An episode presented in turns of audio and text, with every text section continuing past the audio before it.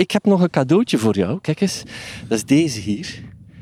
Oké. Ik heb ooit een boek geschreven over het wielrennen. Jeetje, wat Ja. leuk. Wat een leuke Ja, ja. dubbele connectie hebben we dan, ja. Geniet ervan. Het is voor jou. Nou, hartstikke leuk. Ja. Ik heb nu ook wat meer tijd, dus dat eh, ga ah, ik dat is goed. eh, Ga je niet in het veld zitten? Ga je niet Ja, veld? wel, maar er komen natuurlijk nog lange winteravonden aan. Hè? Ja, ja, ja, absoluut. Dus, maar die eh, winteravonden zijn dan voor mij voor het handboek der Europese vogels Oké, dan eh, doen we het op die weggelegd. Oké. zeg hartelijk dank voor het Hey, interview. hartstikke bedankt. Jo, hè. jo, jo, jo. Fantastisch.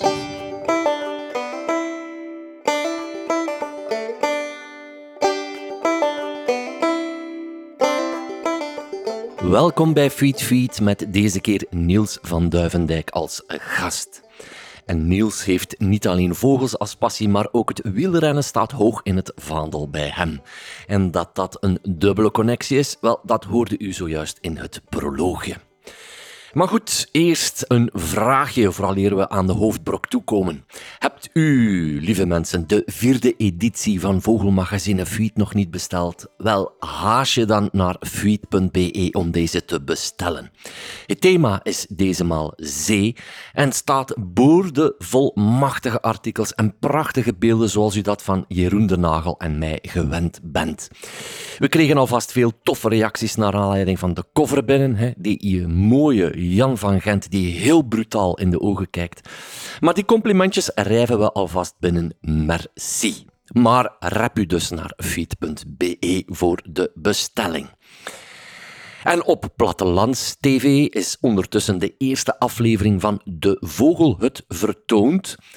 Ehm, een, eh, een vogelspotprogramma, een reeks van vier die in de loop van het najaar regelmatig de revue zal passeren.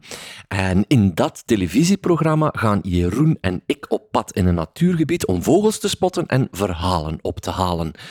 Eh, het is niet alleen slow radio hier bij Feed Feed, maar het is nu ook slow TV geworden. Dus, voilà. U bent weer al verplicht om te kijken natuurlijk. De tweede aflevering start begin oktober en kan je dan een week lang in een loop bekijken. Ik denk zeker 10 tot 20 maal in die week op Plattelands TV. Check in die handel. Maar nu, Niels. Ja, de hoofdbrok. Waarom Niels? Wel, Niels is de auteur van het handboek der Europese vogels. Ja, eh, ik hoor het u al zeggen, een zoveelste veldgids met soortenbeschrijvingen, maar niks is minder waar. Want dit handboek, en dat is trouwens een tweedelige set, eh, in dit handboek zie je alle Europese vogels in alle kleden. En dan denk je van ja, maar dat hebben we ook al gehad. Oh, oh, oh, momentje. Wel, ze worden erin gepresenteerd met zoveel mogelijk identificatiepunten door bijzonder goede foto's. En de kenmerken staan daarbij met zo kort mogelijk informatieve teksten. En ik kan u verzekeren dat het een ongezien werk is waar jaren werk in gekropen zijn. Het hoe, het wat, waar, waarom hoort u in deze aflevering. En in Feed 4 magazine zal er ook een recensie van verschijnen. En ik heb dat geschreven, maar ik ga eerlijk zijn, ik kan niet oordelen over de juistheid van zo'n mastodont, omdat ik gewoonweg niet beschik over dat soort kennis. Ja, het is, het is maar een enkeling. Een paar mensen kunnen dit juist beoordelen. Ehm, maar je kan het boek natuurlijk op andere zaken beoordelen, bijvoorbeeld de toegankelijkheid. Ja. En dan ben ik daar wel in staat om te zeggen van wauw, de manier waarop het hier gepresenteerd is, maakt het allemaal zoveel duidelijker, zoveel rijker, zoveel analytischer, dat het echt wel een stapsteen is naar veel beter vogels kijken. Ehm, het is een orgelpunt. Niels en de ploeg die het boek vormgegeven eh, heeft, dat moet wel een unieke groep zijn, omdat hier veel studie en analyse aan te pas is gekomen. Dus ik moest wel, hè, mensen, ik moest wel naar Noord-Holland trekken om Niels te ontmoeten. Hij koos drie vogelsoorten, dat ook nog. Dat eh, waren de tapuit, de pallas boszanger en de ivoormeeuw. Eh, ik zou zeggen, geniet, lieve mensen. Geniet van een stukje slow radio.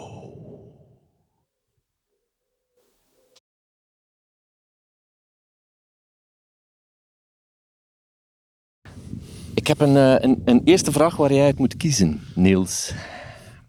Dylan van Baarle of Greg van Avermaat? Ja, dat vind ik een mooie vraag. Een mooie vraag. Ja, dat is echt al mijn, uh, mijn tweede, tweede grote uh, liefde. Ja, waarom denk je uh, dat ik een t-shirt aan heb van de Ronde van Vlaanderen? Oh, dat had ik nog niet eens gezien. Kijk eens. Jeetje. Ach, jee, wat gaaf. Ja, ja, ik ben ook uh, in, uh, in tenue. Maar uh, ja, dat is... nou, ik, ik, ik vind...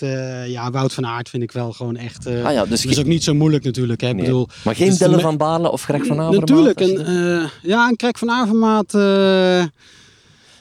Uh, ja, die heeft wel zijn momenten natuurlijk. Hè, maar ik denk ook wel dat dat nu een beetje, een beetje eraf is. Maar ja, dat was natuurlijk een paar jaar geleden. Als ze, met Krek naar een, uh, een sprint reden waar het ook een klein beetje bergop was. Dan, uh, dan was het natuurlijk klaar. Hè? Ja, dan dat was klopt. Was, was, was, was die voor hem.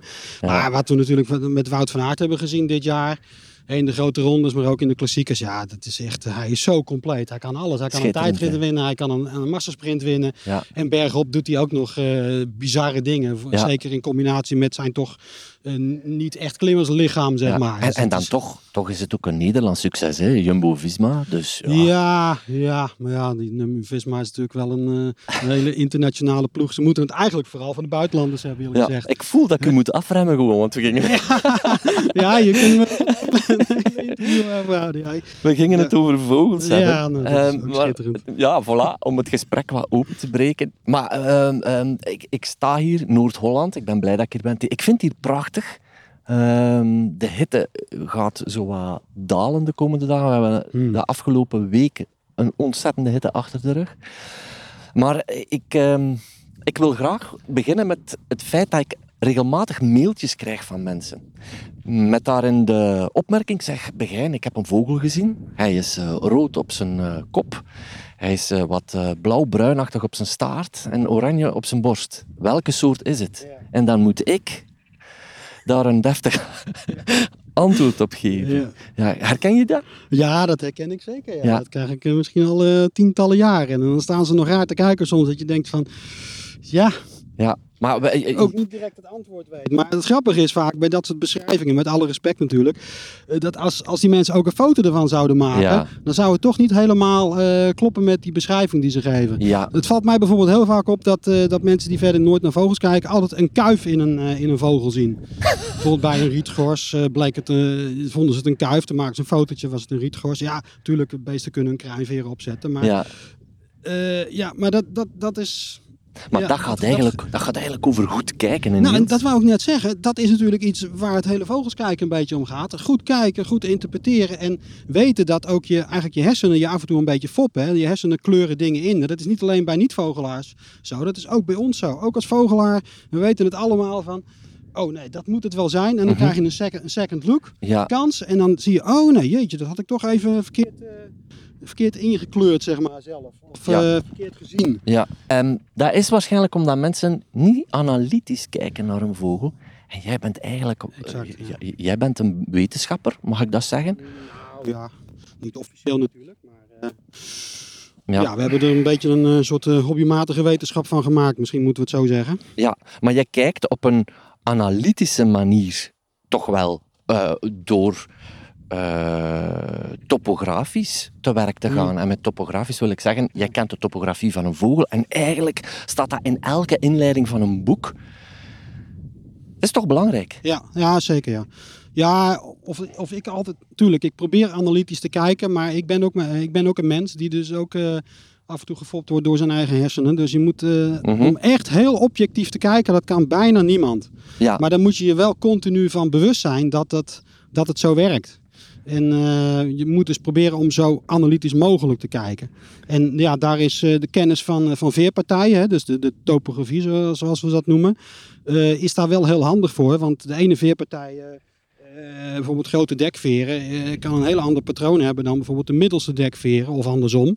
En dat kan juist voor de identificatie van vogels op soortgebied kan dat enorm belangrijk zijn. Maar als je die, on- dat onderscheid niet kan maken, ja, dan wordt het al een stuk lastiger. ja. En ja, eh, de mensen moeten volgens mij ook allemaal die, die verschillende verenpartijen kennen, maar langs de andere kant, een basiskennis zou hen toch helpen om makkelijker vogels te herkennen, denk ik. Ja. Ehm, eh, want eh, ja, iedereen loopt, of iedereen, dat is een groot woord, maar toch veel mensen beginnen nu met vogels te kijken, willen ook vogels herkennen, want dat is vaak ook het spelletje. Ze willen er Ja, dan een zeker. naam op kleven, maar slagen er dan niet in, omdat ze eigenlijk, ja, eh, gestalt, hè. Ze, ze, ze zien het geheel en ze zien iets moois en iets kleurrijks en dat is het. Dus, hè. dus maar jij, mag ik toch wel zeggen, blinkt daar wel een beetje in uit, in, in dat eh, gegeven, om een vogel op een analytische manier te bekijken. Ja, wanneer is dat begonnen? Poeh, wanneer is dat begonnen?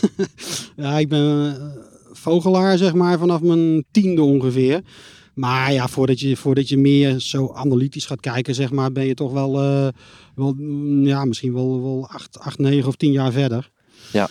En eh, ja, dat, dat, dat verfijn ik in principe nog steeds.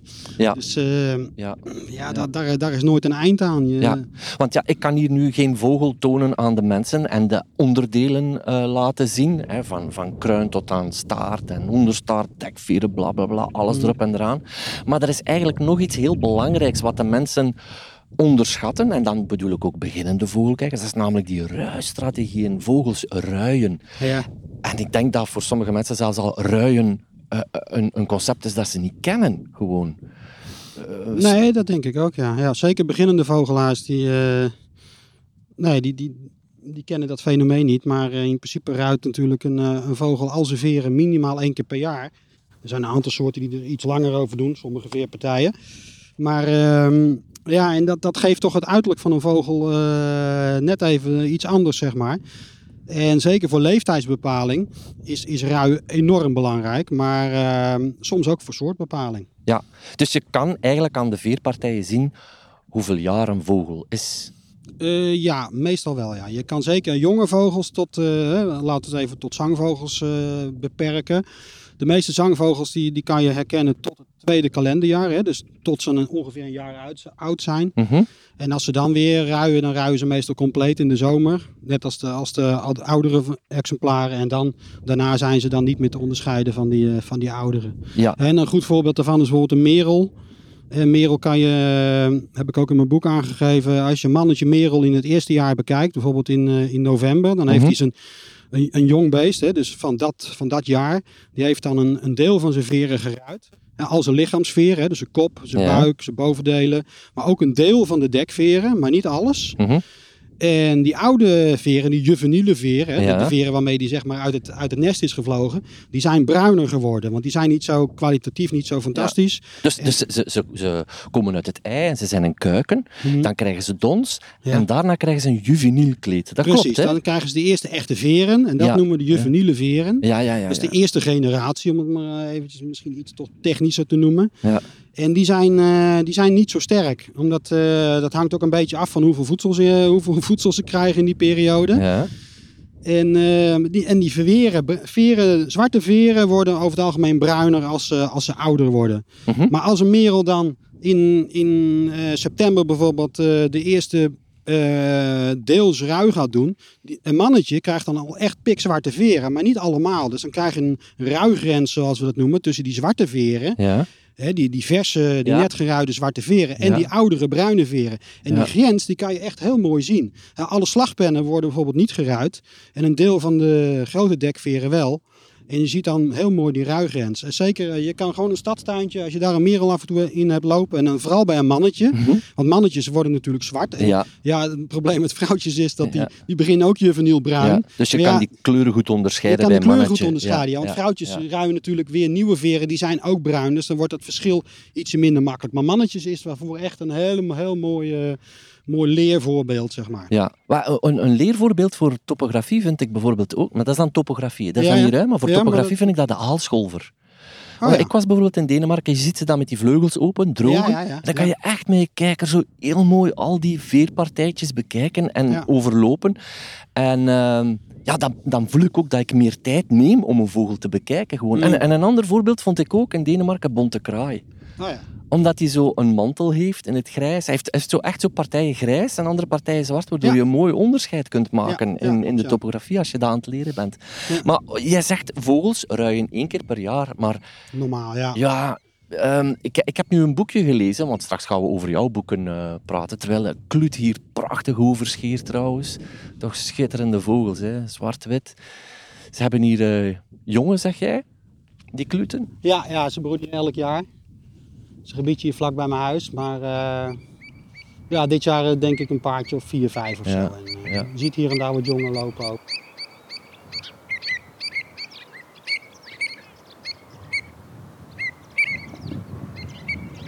Ja, maar die, die, die vogels, eh, ze ruien één keer per jaar, zeg je? Ja, Maar dat, dat- dat- is, dat- is eigenlijk heel, eh, heel soortafhankelijk hoor. Gemiddeld ja, ruien ze één keer per jaar. Maar er zijn natuurlijk soorten die een zomerkleed krijgen en die ruien eh, de veren deels twee keer per jaar. En zomerkleed bedoel je dan dat die zich gaan opmaken voor, het, voor de broedtijd? Ja, ja exact. Ja. Dat zien we natuurlijk heel mooi bij steltlopers. Hè, neem een, eh, een eh, algemene steltloper als bonte strandloper. Die heeft natuurlijk zo'n grijzig winterkleed. Mhm.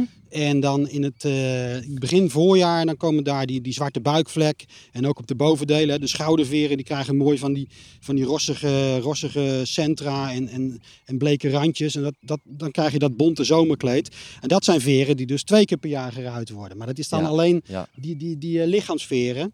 En de slagpennen ruien ze maar één keer per jaar. Dat doen ze aan het einde van, eh, van het broedseizoen. Dus Ja. in, het, in, eh, in deze tijd zo'n beetje. Ja, en dat is wel jammer, want die steltlopers, hè, die, vaak die, die steltlopers die naar het noorden trekken, die zitten dan zo'n prachtkleed en wij zien Ja. dat eigenlijk niet. hè. Nou, wij zien ze hier eh, in mei bijvoorbeeld. Kan je heel vaak eh, rond de Waddeneilanden kan je grote groepen steltlopers, hè, kanoetstrandlopers en, en zilverplezieren, echt gigantische aantallen, kan je in zomerkleed zien. Oké, ja, dat is oké, echt fantastisch. En natuurlijk heel veel bonte strandlopers. Ja, want ze vertrekken natuurlijk iets later dan... Ze trekken, ja, want eh, kijk, in mei eh, leggen hier de vogels een ei, zoals het, Ja. gezegd is. Maar dat kan je natuurlijk in, in, rond de poolgebieden nog niet doen, want Nee. eh, daar is het nog min 20 bij wijze van spreken. Dan ligt er nog een bak sneeuw. Dus Maar dan zitten die eigenlijk al in prachtkleed. Allee, Ja, mag ze ik- zijn al wel klaar ervoor. noemen? Ja, dat toch mag ik noem het Ja. Maar Ja. eh, oké. Maar dan, eh, ja, die broeden pas in juni, hè, half juni meestal Mhm, pas. mhm. En ze broeden ook Ja. heel snel. En, maar ja, de voedselsituatie is in, in het noorden dan heel gunstig. Dus ze kunnen heel snel, kunnen ze snel jongen groot brengen. Ja. En wij zien de adulte vogels vaak alweer in eh, eind juli, begin augustus alweer terugkomen. Ja, ja, ja, ja. Hè, de, de zwarte ruiters denk ik dan aan, Ja, die hier al heel vroeg terugkomen. Ja, Oh, groenpootruiter. Maar die broedt dan niet zo heel noordelijk, groenpootruiter. Maar andere soorten als drieteenstrandloper, eh die broedt heel noordelijk. Die zien we al terugkomen. Als, als zal het een deel zijn van exemplaren die niet, eh, die niet, ge, niet gebroed hebben. Want eh, dat, een deel van de drieteenstrandlopers die broedt gek genoeg eh Ja. komen ze niet. Want ik vond wel eh, maf. Ik was in juni in eh, Doelpolder. En jij kent de Doelpolder ja, een beetje. naam, ja. Ja, ja. En dat zag ik al zwarte ruiters, maar ook nog in, Ja. in het zwarte kleed. ja, ja, ja. Zijn dat dan exemplaren die er niet in geslaagd zijn om te broeden? Of, Volgens mij zijn dat, eh, maar dat is niet helemaal mijn expertise hoor, maar de, de ecologie rond, eh, rond soorten. Maar volgens mij zijn dat de, de, de mannetjes zwarte ruiten, die, eh, die paren eventjes en die zorgen, eh, als ik het goed heb, niet voor de jongen. Ah, Dus die kunnen daardoor al heel snel weer eh, vertrekken, zeg maar. Oké. Dus wij zien inderdaad hier ook in de, in de Noordkop van Noord-Holland, eh, eh, soms al eind juni zien we alweer eh, eh, zwarte ruiters, maar dat zijn bijna allemaal mannetjes. Ja, dus opeens wordt vogels kijken een veel rijker gegeven, want ja, hun verenkleed verschilt afhankelijk van het geslacht, leeftijd en seizoen. Ehm, en ik, ik dacht vroeger ook altijd dat vogels hun veren verloren en dat dat iets was dat genetisch bepaald was. Namelijk, eh, dan is het moment daar en ik moet ze kwijt. En want ik moet, maar, maar dat blijkt helemaal soms niet zo te zijn. Dat het afhankelijk is van een aantal omstandigheden. Ook van hormonen, las ik. Ja, dat, dat is natuurlijk zo. Het, het wordt juist eh, door hormonen gestuurd. Maar er zit natuurlijk wel een genetische factor Ja, achter. akkoord. Hè, want eh, je, je kan niet zomaar eh, elk individu zijn eigen ruistrategie bedenken. Want dan gaat het natuurlijk toch fout. Ja, ja, je ja, moet ja. ruien op het moment dat je niet, niet al te veel hoeft te vliegen. En dat er voldoende rust en, en voedsel is. Want Ja. het, het produceren van nieuwe veren kost natuurlijk heel veel voedingsstoffen. Dus die moeten wel aanwezig zijn dan. Dus, en we zien dat bij steltlopers, zie je, ze- zie je ze echt op hele, eh, eh, op de Wadden bijvoorbeeld, wat natuurlijk heel voedselrijk is. In de nazomer eh, zie je ze daar groeperen om, om daar massaal te ruien. Ja, ja, ja. Maar toch een markant gegeven. Hè. Ik bedoel, niet, niet- niet te onderschatten. Toen, toen ik een boek las, ik zeg het, Vogels en Veren, toen dacht ik van ja, maar als daar zoveel, zo- zoveel verschillen op zit, wauw, hoe, hoe, hoe probeer je dat dan te structureren, Niels? Gewoon studeren, werken? Ja, dat is studeren inderdaad. Ja, ja dat is domweg eh, ook veel foto's kijken. Want je kan natuurlijk ruik kan je gewoon prima op foto's zien. En er is natuurlijk in de literatuur al heel veel bekend over uh, ruisstrategieën van bepaalde soorten. Maar ook van bepaalde populaties. Hè. Vaak is het zo dat uh, van dezelfde soort een andere populatie in een ander gebied broedt. Ook een andere ruisstrategie heeft. Omdat ze bijvoorbeeld veel langere uh, trekafstanden hebben. Ja. Moet je vaak je, je, je ruisstrategie aanpassen. Ja. En uh, we zien het bijvoorbeeld heel mooi bij kanoetstrandloper. Er is één populatie uh, die, uh, die overwintert in West-Europa. -huh. En die, die ruien compleet al in de, in de nazomer. Oké. Maar degene die naar Afrika trekken, die, die ruien pas in de winter. Want die moeten eerst nog hun vleugels intact houden, zeg maar, om dat hele eind te vliegen. Goh. En ruien dan pas hun slag En- als ze in Afrika zitten. En eh, zijn we dan eigenlijk al aan het spreken over een soort, over, over, over een ondersoort? Ze hebben het over in ieder geval over een ondersoort. Ja, maar daar, daar ga je inderdaad, ja, als dat nog verder gaat, dan ja, als dat inderdaad uiteindelijk ook voor de reproductie een, uh, een barrière gaat vormen, ja, dan hebben we het eigenlijk gewoon over een, uh, ja, over een soort inwording. Een ontwikkeling, ja, ja, ja. Het is eigenlijk een soort evolutionair proces wat natuurlijk uh, Ja, ja, nog steeds gaande is. want daar is iets wat sommige mensen ook niet weten, is dat natuurlijk afhankelijk, en dan voornamelijk geografisch gezien, Hmm. ja, krijg je een andere soorten samenstelling, maar ook binnen één soort, waardoor dat er vertakkingen ontstaan en ondersoorten ontstaan. Exact. Ja. Dat is wel, denk ik, ja, iets waar dat jullie eh, ja, toch wel bijzonder tuk op zijn. Als ik het boek bekijk ook. Ja, hè. zeker. Ja. Ja. Je ziet vooral op, uh, op plekken waar, waar soorten geïsoleerd raken. Hè. Mhm. Op eilanden is natuurlijk een heel klassiek voorbeeld. Mhm. En neem de Canarische eilanden. Ja, Daar zitten vinken, maar dat elke, elk eiland heeft zijn eigen vinkenpopulatie. Gewone vink tenminste, Canarische vink noemen we dat dan. Maar ook, ook op elk eiland, dus, hè, dus op Tenerife zit weer een andere dan op La Palma. En die, die, uh, die, hebben zich, die zijn al zo lang zeg maar, van elkaar uh, gescheiden geweest, Mhm. geïsoleerd. Hebben zich toch enigszins aangepast aan waarschijnlijk de omstandigheden aan dat eiland. En zijn ook gewoon op uiterlijk zijn ze, zijn ze al verschillend. Dus dat zijn, dat zijn al soorten, of in ieder geval soorten in wording. Ja, En we noemen dat in ieder geval al ondersoorten. Maar soms is de grens tussen ondersoort en soort ja, niet, niet, niet scherp, zeg maar. Wij willen graag, uh, als mensen willen we alles graag uh, zwart-wit hebben en een beetje in hokjes delen. Maar ja. kijk, bij soorten op eilanden of ondersoorten is dat niet zo, niet zo moeilijk. Maar neem bijvoorbeeld de, de, de staartmees, die gewoon heel geleidelijk overgaat van, van de Britse eilanden. En dan zitten we hier natuurlijk in West-Europa zijn, zien ze er weer iets anders uit. En als we dan meer naar het oosten gaan, worden ze witkoppig. Maar daar zit ook weer iets tussenin. En dat is één geleidende, geleidende schaal, zeg maar. Dat, dat zijn geen, geen scherpe grenzen te trekken tussen die, uh, tussen die ondersoorten. Ja. Maar natuurlijk, als je de, de individuen uit het hart van, uh, van de verspreiding van zo'n ondersoort naast elkaar legt, dan zijn ze heel duidelijk verschillend. Maar daartussenin zit een heel, uh, ja, heel diffuus gebied, zeg maar. Wat, wat dat ook dan uh, uiteindelijk het leuk maakt, is dat taxonomie puur menselijk is. Hè? Ja, ja, zeker, ja. ja.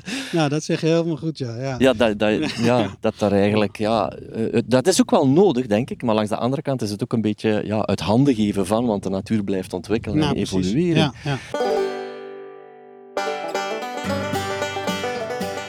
Um, maar ik, ik, ga hierop terugkomen, want je hebt een soort gekozen die volgens mij wel iets kan betekenen wat betreft ontwikkeling van ondersoort. Maar ik wil het nog hebben over een notenkraker van een uh, groep, namelijk eenden.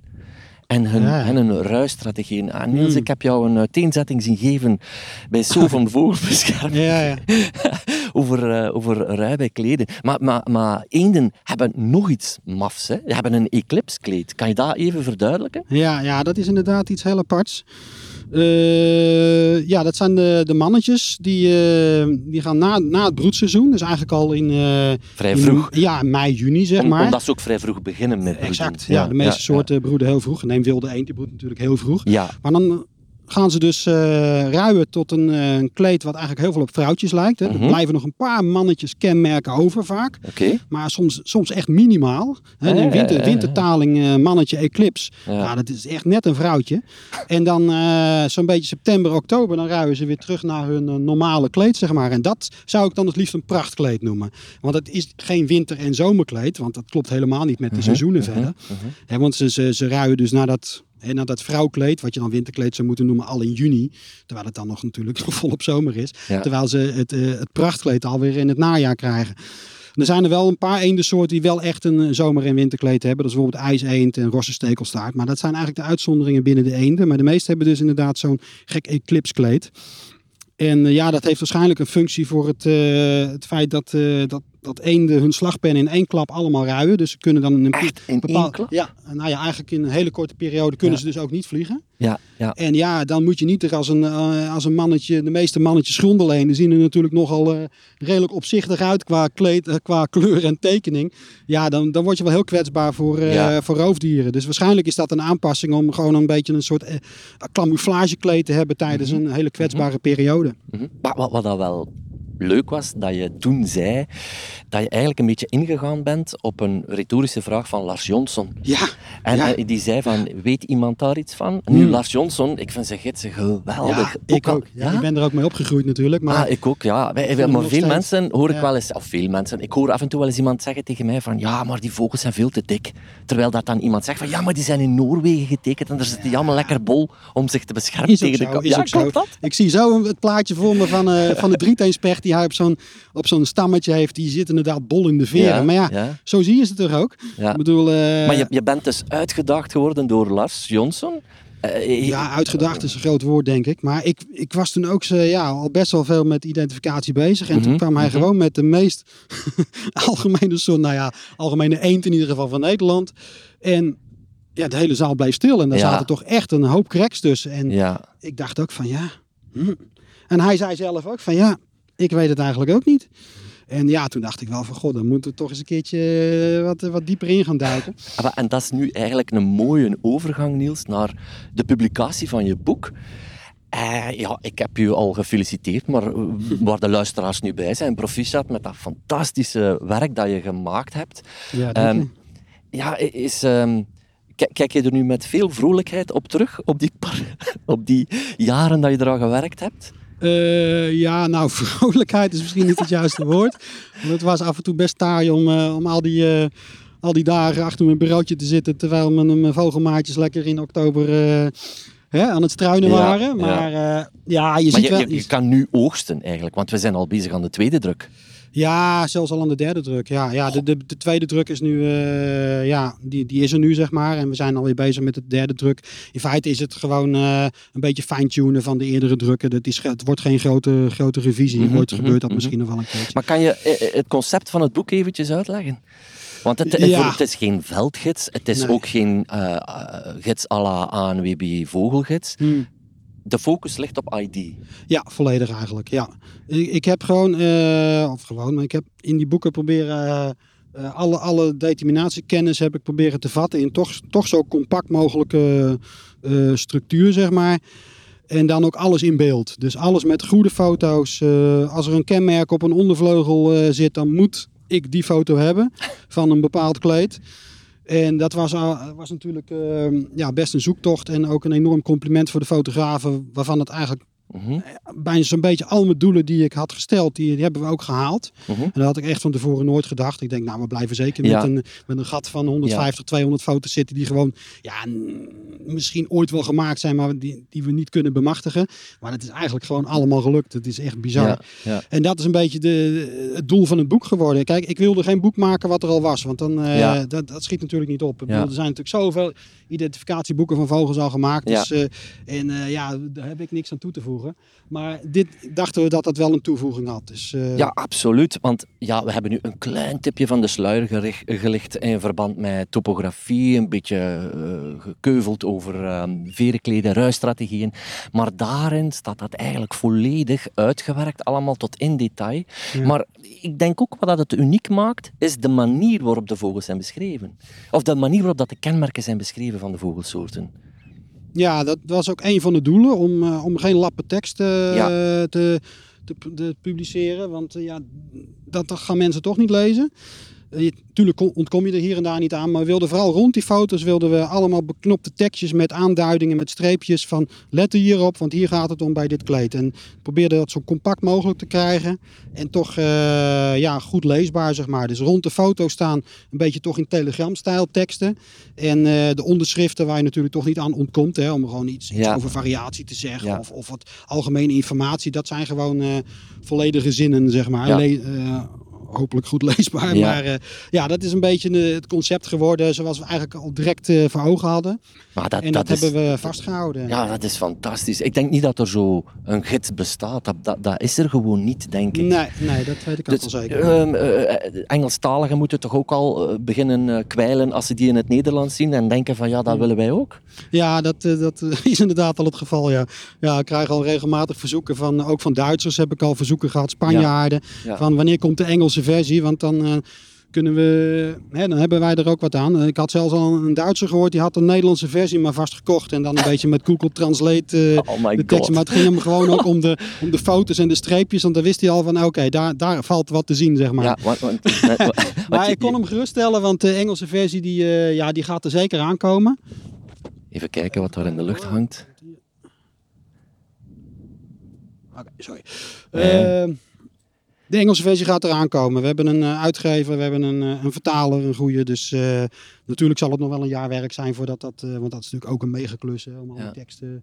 Want te jij, zetten. wat was het vertrekpunt? Welke soorten heb je erin verwerkt? Wat was de, de, de- het raamkader? Eh, eh, ja, ik wilde eigenlijk, diep in mijn hart wil ik eigenlijk de hele WP doen. Hè, de West, Western Western Palearctic. En dan ja. eigenlijk wel de oude WP. Hè, dus dat is dan eh, Europa, Noord-Afrika, Midden-Oosten. Ja, Inmiddels is de WP wat opgetrokken tot het volledige Arabisch schiereiland, inclusief Iran en nog een paar Afrikaanse landen. dat zie ik soms in Dutch Birding, dat Ja, er heel ja. wat regio's bijgekomen zijn. Ja, precies, ja. Dutch eh, Birding dat- is het tijdschrift trouwens, eh, voor de luisteraars die dat niet kennen, eh, rond ornithologie, maar vooral naar soortenherkenning toe. Hmm. Echt wel iets voor nerds, maar als je echt heel diep wil gaan, moet je eens even checken wat Dutch Birding is. Maar dus de soorten in de WP, ja, Ja, maar dat, dat, zou, dat zouden er ongeveer ruim duizend worden. Mhm. En ik wist natuurlijk wel hoeveel foto's ik per soort wilde gaan gebruiken. Dus ja, dan kwam ik op eh, iets van 14, 1500 pagina's Ja, van een boek. ja. Dus praktisch was dat eigenlijk al niet meer te doen. Dus toen dacht ik van nou, dan beperken we het tot Europa, inclusief alle, alle dwaalgasten, met uitzondering van de meest extreme dwaalgasten. Dus ik heb alle soorten die minimaal vijf keer in Europa zijn vastgesteld, heb ik, eh, heb ik erin verwerkt. En dan komen we op eh, eh, eh, 710 soorten, geloof ik. ja. 720. Eh, eh, eh, hoe kom je aan de wetenschap dat die vijf keer gezien zijn geweest? Eh, ja, dat, eh, dat is wel redelijk te achterhalen hoor. eh, uit de verschillende avifauna's. En hier en daar. Eh, ja, het is natuurlijk ook een ontwikkeling. Er zijn nu bijvoorbeeld alweer twee soorten die er eigenlijk in hadden gemoeten. Dat is witrug hier, die, eh, die inmiddels al meer dan vijf keer in Europa is vastgesteld. En ook grauwe bulbul uit, eh, uit eh, Ah, oké. die steekt nu regelmatig toch wel de, de, straat van Gibraltar over. En dus die wordt nu regelmatig in Spanje gezien. Knaagt dat dan dat die er Nou ja, weet je, je, je, doet het, eh, je, je doet het met de kennis van, eh, van dat moment. Ja. Hè, bedoel, natuurlijk zal in de volgende versie zullen die soorten erin komen. Maar ja, dat, dat knaagt niet echt, nee. Want op een gegeven moment moet je ook een keer een, eh, een, een punt zetten. Mhm, mhm, En dan, dan is het, is het het voor, voor dat moment. Nu, je hebt heel mooi het concept beschreven, wat het uniek maakt en wat het ook uniek is. Hè. A, de fotografen. B, eh, jouw manier van werken om ID te verwerken rond Mhm. de vogelsoorten. Maar dan heb je ook nog vormgeving. Want ik vind Ja. dat voor mijzelf een hele belangrijke. Dat is superbelangrijk. die massa informatie Absoluut. kunnen verwerken op een overzichtelijke manier. Ja. Daar heb je, maar ik ken Sam een beetje, een Ja, klein beetje. ja. Dus wij- Ik noem Gobin, jullie noemen Ja. misschien Gobin, ik weet het niet. nou, Ja, ik Sam dat Gobin. jij het goed uitspreekt, want dat is natuurlijk... eh, Ja, voilà. Maar ik. Sa- Sam Gobij heeft dat gedaan, maar dat is toch ook wel een verdienstelijk eh, werk geweest. Ja, ja, ik ben ongelooflijk blij met Sam. We, we zijn ooit gestart met, eh, met gewoon een officieel eh, vormgeversbureau. ja. Maar dan lever je gewoon je, je dingetjes in, hè, je paginaatjes Mhm, in. Mijn, mhm. eh, mijn werkdocs noemde ik dat dan, hè, werkdocumenten. Maar je- maken zij er wat van. dan, dan krimpt je hart wel een beetje in elkaar, zeker? Ja, maar wat dat zijn natuurlijk geven? mensen die gewoon die goed in vormgeving zijn, maar dat zijn geen vogelaars.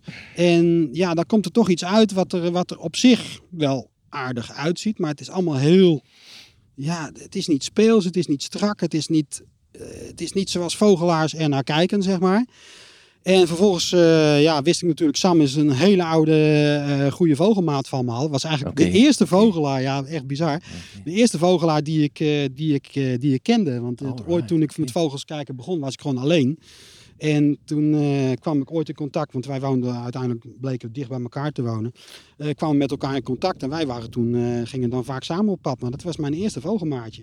Ah, dat komt en, daar heel mooi samen hier. Ja, want hij is er een tijd uit geweest, ik overigens ook. Maar, ja.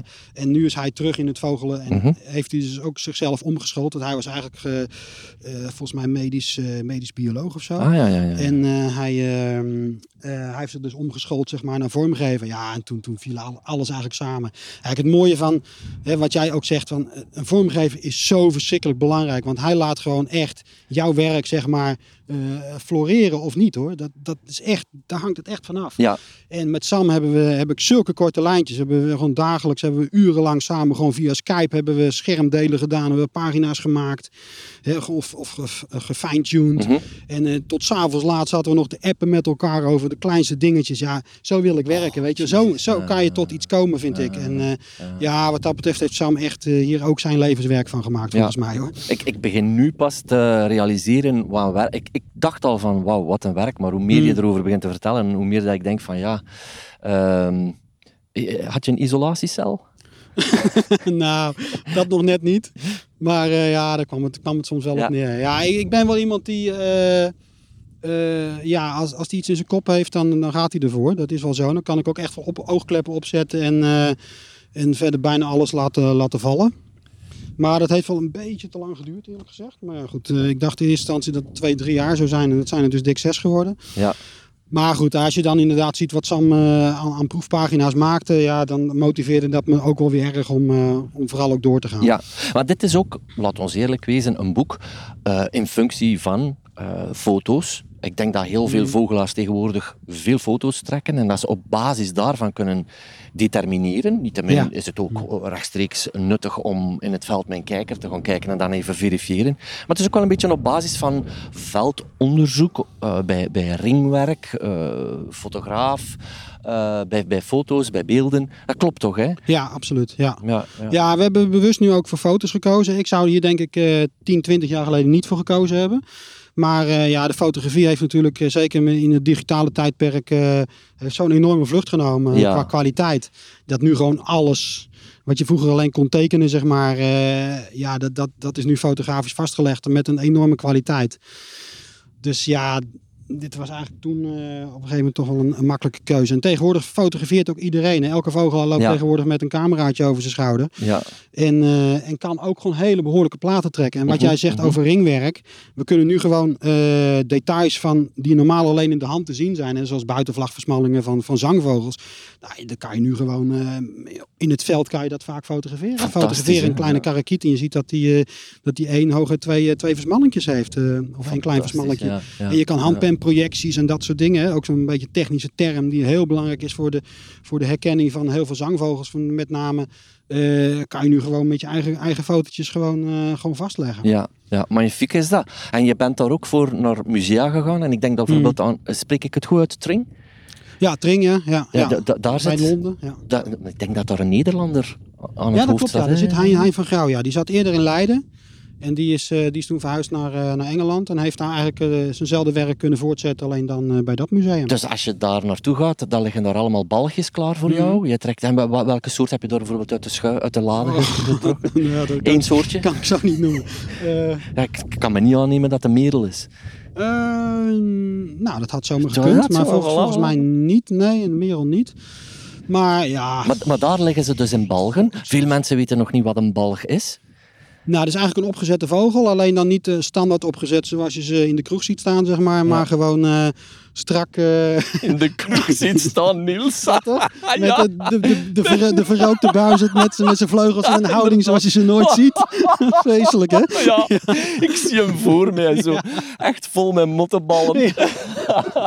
Maar vooral helemaal bruin van, van de rook. Prachtig beeld, ja, ja, ja, absoluut. Nee, absoluut. ze liggen er heel strak. En dat, dat is ook wel weer een nadeel. Want als je dus ondervleugels van balligen wil bekijken, dan wordt het wat lastig. Want die vleugeltjes zijn gewoon strak tegen het lichaam geprepareerd. Ja.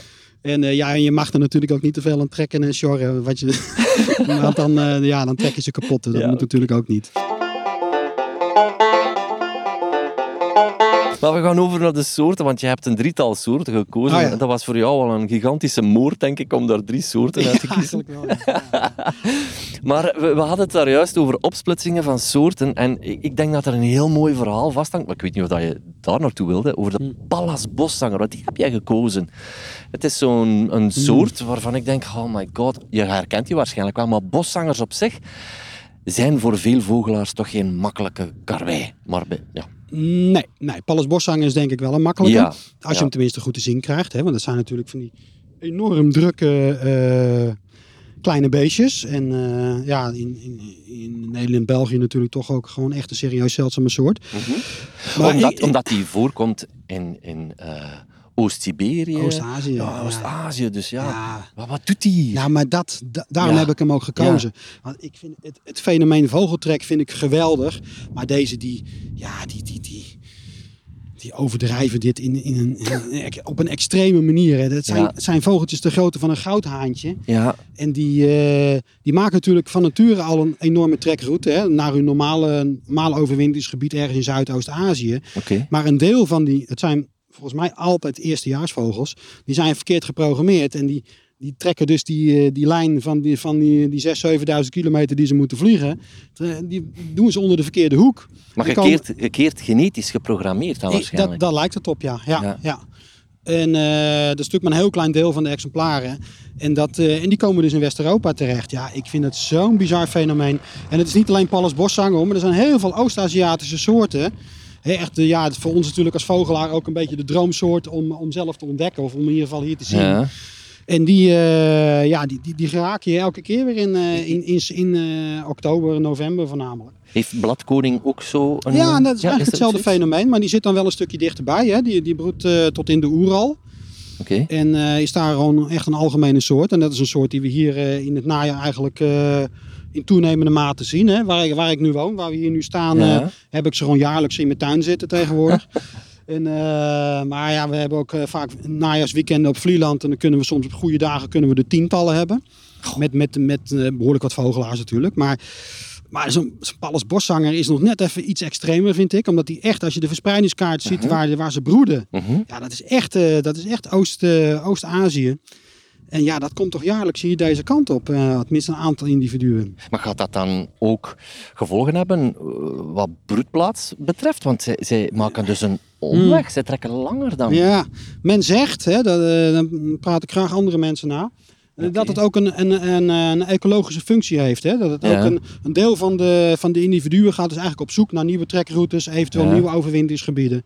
En dat zien we bij bladkoning, lijkt dat wel ook te gebeuren. Want Ja. eh, die, die overwintert eh, nu wel gewoon eh, echt in, op de Canarische eilanden bijvoorbeeld. Mhm, mhm. Een soort als grote pieper, hè, die ook heel oostelijk bloedt eigenlijk. Die we jaarlijks ook hier over zien trekken. Die overwinteren tegenwoordig, of waarschijnlijk al veel langer in Spanje, Portugal, Noord-Afrika. Dus ja, dat, ja dat, dat zal waarschijnlijk toch wel een, een, een biologische, Maar, ecologische ja, functie hebben. ik ga daar onmiddellijk een vraag bij stellen. Misschien weet je het antwoord niet, maar ik zie soms wel zo zuidelijkere soorten naar het noorden opschuiven. Mm.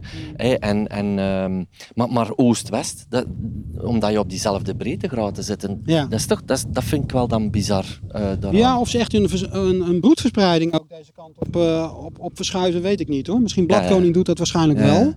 Maar die andere, nou ja, ik weet het niet of het gebeurt niet. Maar het is vooral de, de, de trekroutes die. eh, maar waarschijnlijk doen ze dat al heel lang. Hè? Het feit dat wij nu eh, zoveel bladkoningen zien, ja, die neemt waarschijnlijk ook wel toe. Maar het komt ook omdat we er gewoon veel meer op gespitst zijn. We kennen het geluidje. Ja. We weten nu van, oké, we moeten langs de kust zoeken eh, vanaf eind Ja, september.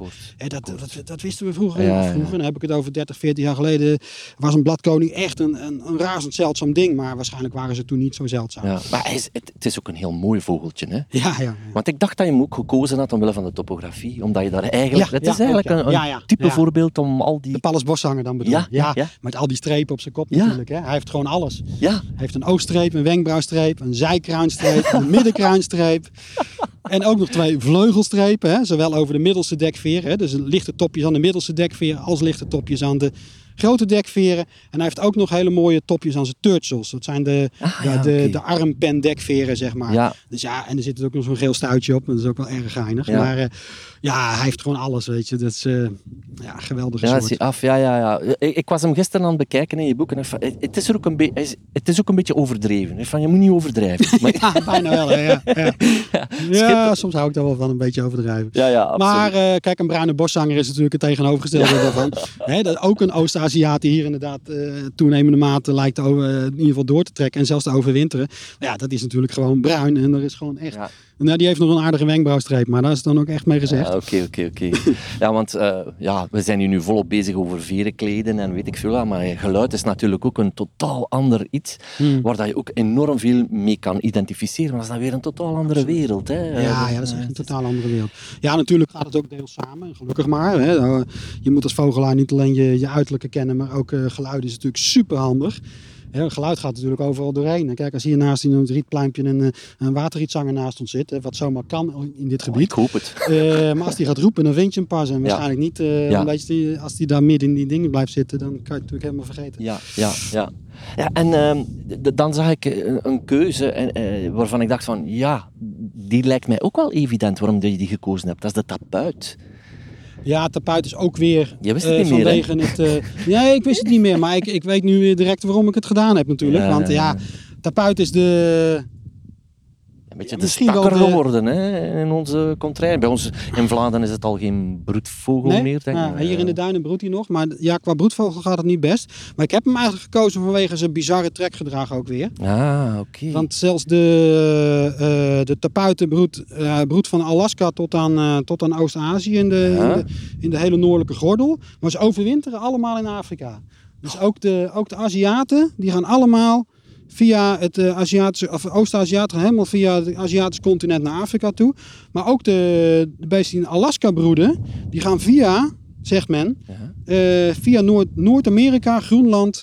eh, Wat en- bizar. ja, ja, Wat bizar. dat is echt bizar, ja. ja. Je zou bijna de- denken, de- wat een domme vogel. De Groenlandse in ieder geval, die trekken hierdoor. De Alaska-vogels kunnen misschien ook Ja. via de andere route gaan. Maar ja, het is natuurlijk krankzinnig.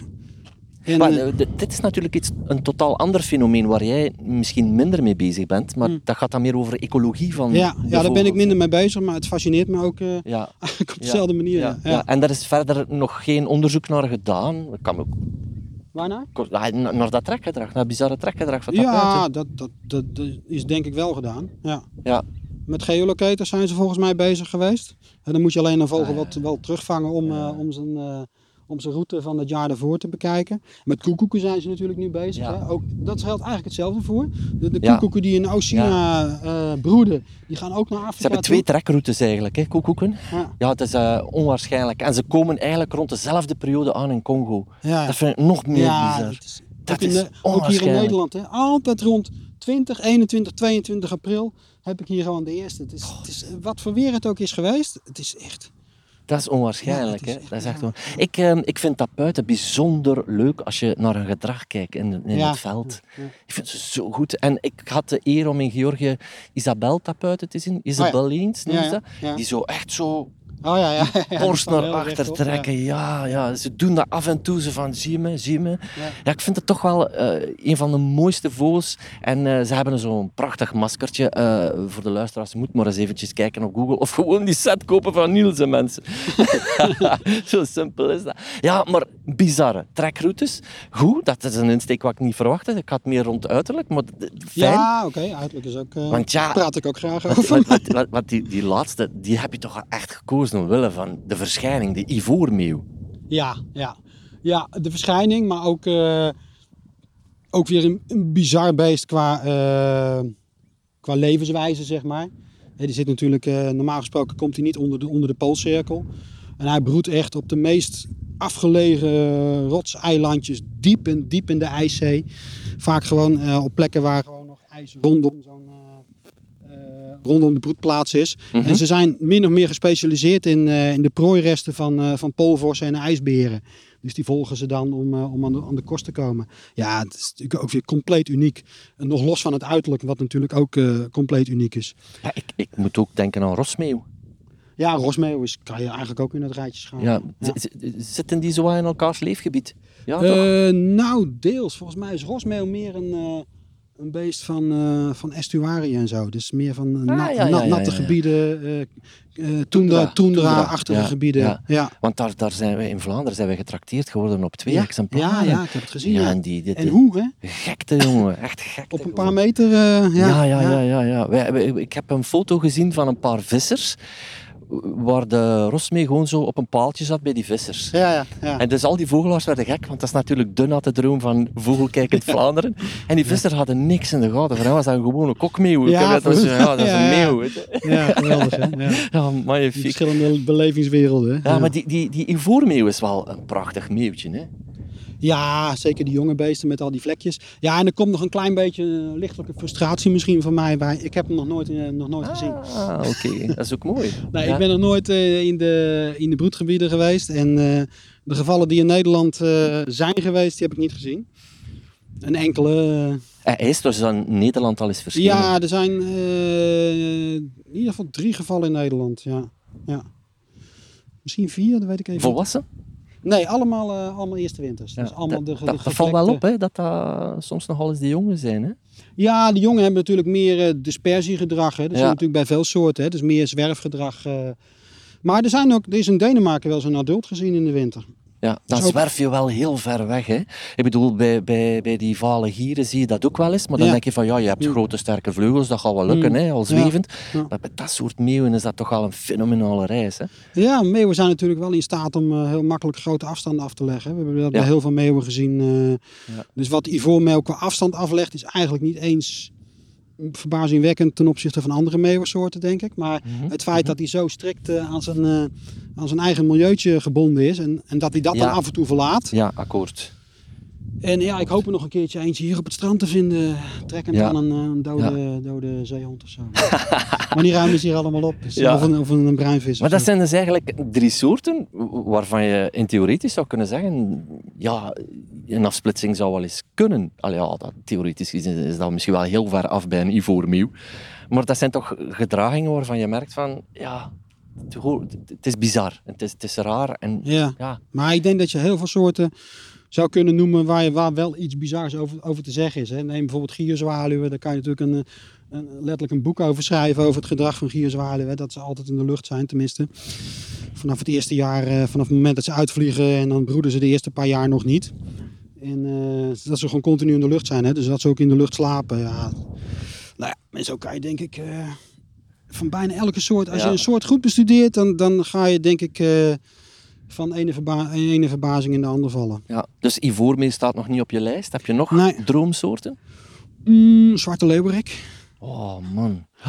Ja, ja. Ja, dat is natuurlijk ook een beetje een, ja. een van de moeder alle dwaalgasten wordt het wel eens genoemd. Hè? Want natuurlijk in West-Europa worden ze heel af en toe gezien. Nederland heeft geen geval.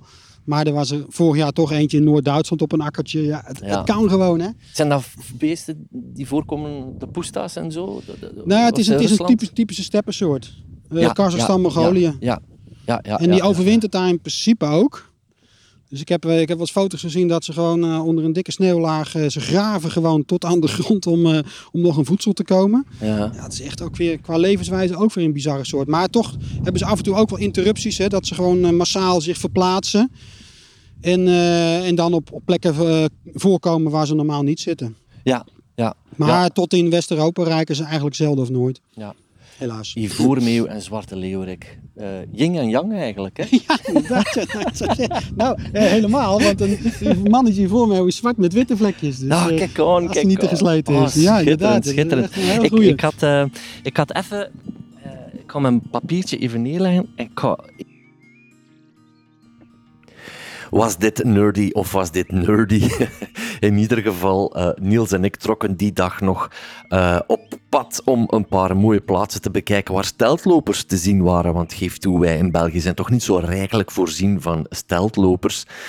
Ehm, ja, ik, ik heb daar Krombeck strandloper gezien. Dat vond ik wel heel mooi. Bonte strandlopers, die zitten daar meer dan genoeg. Rosse grutto, regenwulpen. Ik kon ze daar allemaal zien als nooit tevoren.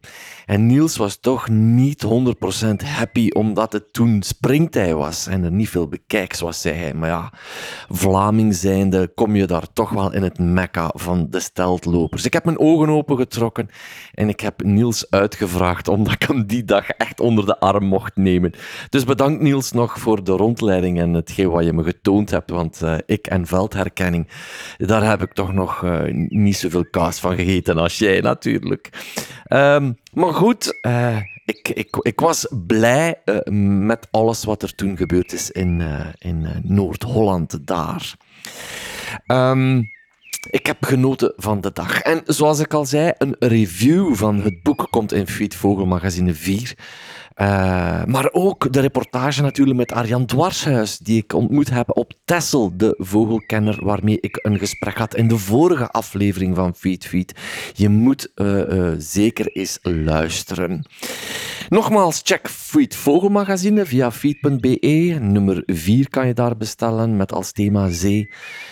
Het belooft eigenlijk een knaller van een nummer te worden. En in november valt hij dan op je deurmat. Voilà, dit was hem alweer, deze aflevering van Feed Feed. Tot een uh, volgende dag.